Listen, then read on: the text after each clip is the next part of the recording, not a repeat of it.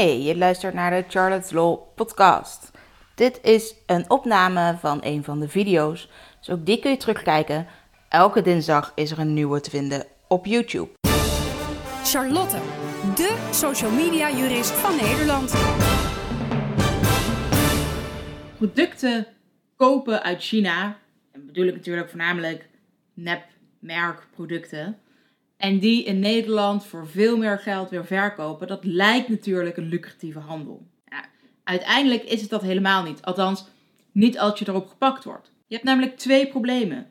Zowel mogelijk strafrechtelijk, omdat je gewoon niet op die manier producten mag verkopen, um, maar ook gewoon merkenrechtelijk. Nou, dan is natuurlijk vooral de kans op die laatste eigenlijk het grootst. Want merkhouders gaan natuurlijk echt wel checken of er geen nepproducten worden verkocht als, als zo'n merkhouder erachter komt dat jij netproducten verkoopt, nou oké, eerst zullen je gewoon een brief sturen. Zorg dat je stopt met de verkoop. Wat je nog hebt, moet je aan ze afgeven of je moet het vernietigen. En dan dat ook laten zien dat je het daadwerkelijk hebt vernietigd of daar bewijs van leveren. Nou, misschien uh, wat juridische kosten, kleine schadevergoeding relatief. En dan is de kous daarmee wel af. Zeker grote merkhouders hebben helemaal geen zin in heel veel juridisch gesteggel en heel veel gedoe over wat was nou de werkelijke schade. Dan kom je daar eigenlijk heel erg makkelijk vanaf. Nou, er was een studente die ooit tasjes uit China had besteld, gewoon voor zichzelf. Van Chanel, althans, hè, daar leek het op. Maar het viel er toch wel tegen. Nou, dat heeft ze verkocht op Marktplaats. En dat verkocht ze eigenlijk zo goed daar, dat ze dacht, nou, waarom bestel ik er niet gewoon meer? En dan ga ik het gewoon actief verkopen ga ik er gewoon veel meer verkopen. Nou, dat heeft ze gedaan, dat werkte. Alleen kwam toen Chanel daar dus achter. Dat ze er dus ook meerdere verkocht. Nou, die hebben daar dus een brief gestuurd. Uh, het door een advocaat laten sturen dan. En gezegd, luister, je maakt nu inbreuk op ons merkrecht. Daar moet je mee stoppen. Vernietig die tasjes. We doen je nu een schikkingsvoorstel.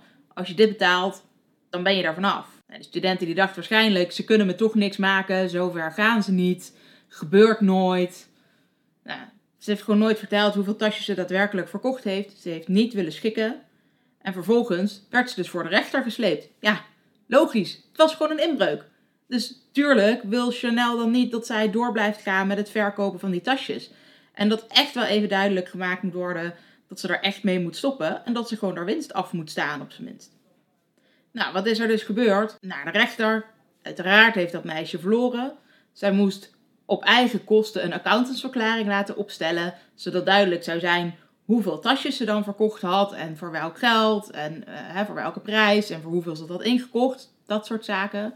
En ze moest een schadevergoeding betalen voor de tasjes die ze daadwerkelijk verkocht had. En ze moest vooral ook de proceskosten van Chanel betalen, die al bijna eh, 9000 euro waren. Nou ja, Misschien dat ze dus toch beter kunnen schikken. Wat ik dus maar wil zeggen is dat je soms denkt: ach, mijn pakkans is zo klein. Het zal me vast niet gebeuren. Of ach, ze gaan toch niet naar de rechter. Nou ja, dat kan. Sommige mensen zetten inderdaad niet door. Dat risico zou je dan kunnen nemen. Maar als je toch eigenlijk al wel weet dat je fout zit. En dat je een inbreuk hebt gemaakt. In dit geval op een merkrecht. Maar het zou natuurlijk zomaar ook met auteursrecht uh, kunnen zijn. je bedenkt dan gewoon goed: zit ik fout of niet? Hoe zit dat schikkingsvoorstel in elkaar? En eventueel kun je gewoon een tegenbod doen. Hè? Een schikking is eigenlijk maar een onderhandeling.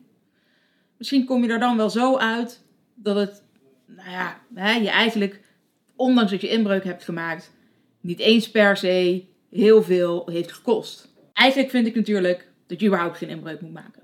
Zo simpel zit dat. Zo eerlijk. Hè? Dat is gewoon niet eerlijk om te doen. Maar als je dat doen, als je dan toch doet, Misschien is het dan wel heel verstandig om goed te beseffen dat je fout zat. Even op de blaren te zitten, maar gewoon een schikking te treffen. Dan ben je er sneller vanaf. En heel vaak uiteindelijk toch goedkoper dan als je daarmee naar de rechtbank zou moeten. Als je nou vragen hebt over dit soort dingen als merkhouder, of omdat je misschien toch inbreuk hebt gemaakt, of omdat je gewoon niet zeker weet waar die grens nou ligt, dus wat je wel en niet mag doen, neem gerust contact met ons op.